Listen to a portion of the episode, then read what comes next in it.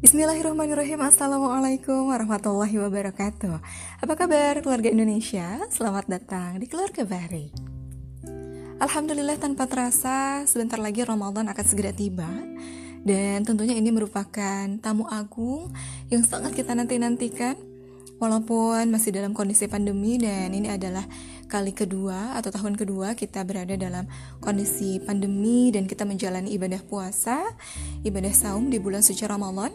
Tapi mudah-mudahan itu semua tidak mengurangi sedikit pun esensi dan juga kekhidmatan kita dalam menjalankan ibadah puasa atau ibadah saum di bulan suci Ramadan ini.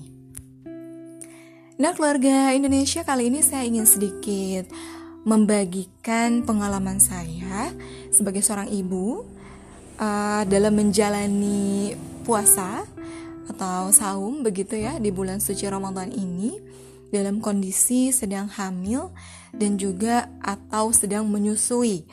Jadi uh, pasti ini merupakan sesuatu hal yang sangat uh, dilematis begitu ya antara ingin menjalankan ibadah puasa tapi juga ada rasa khawatir uh, bagaimana nanti? Apakah saya akan kuat menjalani puasa?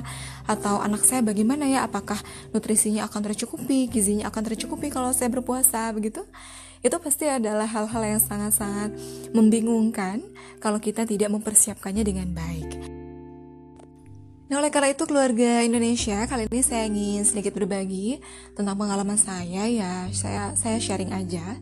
Karena saya juga bukan ahlinya. Saya bukan dokter. Saya bukan ahli gizi.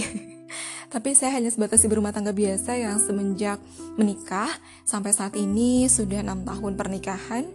Uh, di tahun ini nanti Desember itu tujuh tahun insya Allah. Uh, saya selalu menyandang status sebagai ibu ibu hamil dan juga ibu menyusui selama uh, menjalani proses uh, puasa begitu di bulan Ramadan. Alhamdulillah.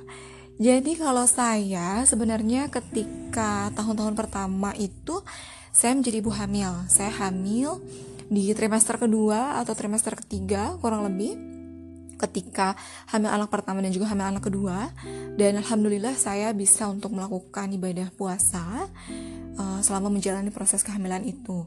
Karena memang sebenarnya tidak terlalu uh, tidak terlalu apa ya tidak terlalu banyak keluhan ya. Kalau sudah trimester 2 trimester 3 sebenarnya enak juga gitu untuk dibawa puasa. Karena makan juga sudah enak begitu tidak terlalu banyak mual.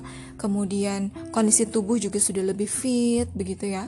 Oleh karena itu saya akhirnya waktu itu memutuskan untuk melakukan ibadah saum di bulan suci Ramadan.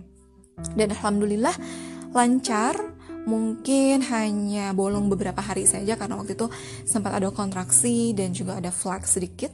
Jadi akhirnya saya memutuskan untuk tidak berpuasa beberapa hari. Tapi ya so far saat itu lancar dan anaknya juga sehat, lahir dengan normal dan tidak kekurangan gizi alhamdulillah.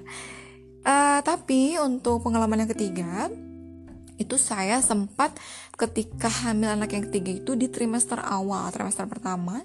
Jadi di tahun 2020 saya berpuasa di trimester pertama. Saya coba dulu kurang lebih dua hari tapi ternyata saya tidak kuat. Jadi saya menyerah. Akhirnya saya tidak berpuasa dan punya hutang puasa kurang lebih 28 hari karena di tahun kemarin itu uh, puasanya saya mengambil yang 30 hari ya. Begitu. Jadi uh, punya hutang puasa cukup banyak 28 hari. Ya itu akhirnya kembali lagi ke kepercayaan masing-masing. Mungkin ada yang berpendapat bahwa ibu hamil dan menyusui yang tidak berpuasa itu boleh untuk membayar fidyah atau mungkin ada juga yang berpendapat bahwa ya memang harus mengkodok puasa begitu ya. Sehingga uh, ketika misalnya memang dirasa mampu mengapa tidak kita melakukan ibadah puasa walaupun dalam kondisi sedang hamil dan juga sedang menyusui. Nah, beberapa tips yang bisa saya bagikan itu sebenarnya adalah yang pertama, kita juga harus melihat dulu kondisi tubuh kita sebagai ibu dan juga anak kita. Tentunya harus cek dulu ke dokter ya, harus rajin konsultasi ke dokter bagaimana kondisi kita dan juga kondisi anak kita, apakah misalnya bisa untuk dibawa berpuasa atau misalnya tidak. Kalau misalnya dokter menyarankan atau merekomendasikan untuk tidak berpuasa, maka lebih baik memang kita tidak usah berpuasa, kita ambil rukhsah dan kita bisa menggantinya di hari yang lain. Uh, akan tetapi misalnya ketika ternyata semuanya bagus, dokter juga membolehkan, kemudian kita juga merasa badan kita fit, maka lebih baik kalau saya memilih untuk berpuasa saja karena kalau misalnya nanti harus bayar utang puasa itu jauh lebih males gitu ya biasanya dan akhirnya jatuh ke melalaikan. Nah, jadi lebih baik kalau misalnya memang kita mampu, bagi saya prinsip saya adalah saya akan ikut berpuasa. Nah, jadi prinsipnya adalah yang pertama kita harus konsultasi dulu ke dokter untuk mengecek kondisi kita dan juga baik. Nah, kemudian yang kedua adalah kita harus memperhatikan asupan nutrisi ketika kita sedang melakukan ibadah sahur dan juga uh, ketika berbuka. Begitu. Jadi ketika sahur kita coba untuk uh, minum susu begitu ya. Kemudian juga makan kurma. Biasanya saya memakan beberapa butir kurma.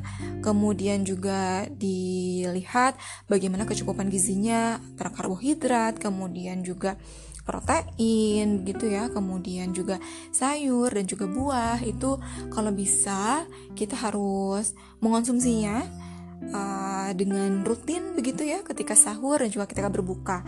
Jadi sudah diperhatikan gizi dari apa yang kita konsumsi. Dan jangan sampai lupa kita juga harus meminum air putih yang banyak. Gitu ya.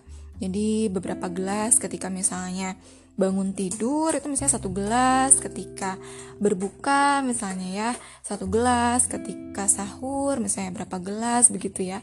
Jadi kita harus perhatikan juga asupan uh, apa air gitu ya yang masuk ke dalam tubuh kita.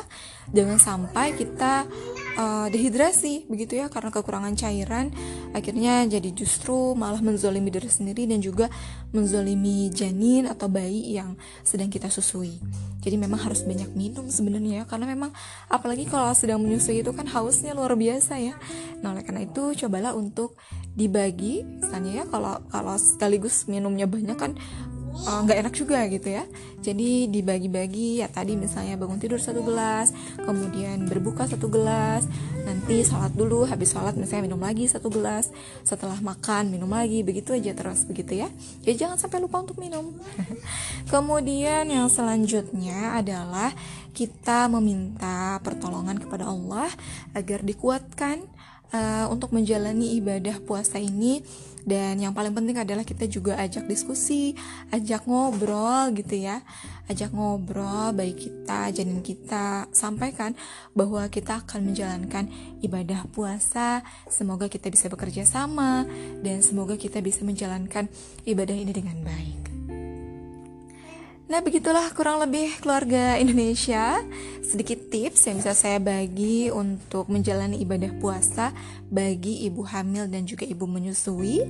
Semoga bermanfaat dan saya dan juga semuanya tentunya Semoga dikuatkan. Karena saya juga sekarang sedang menyusui.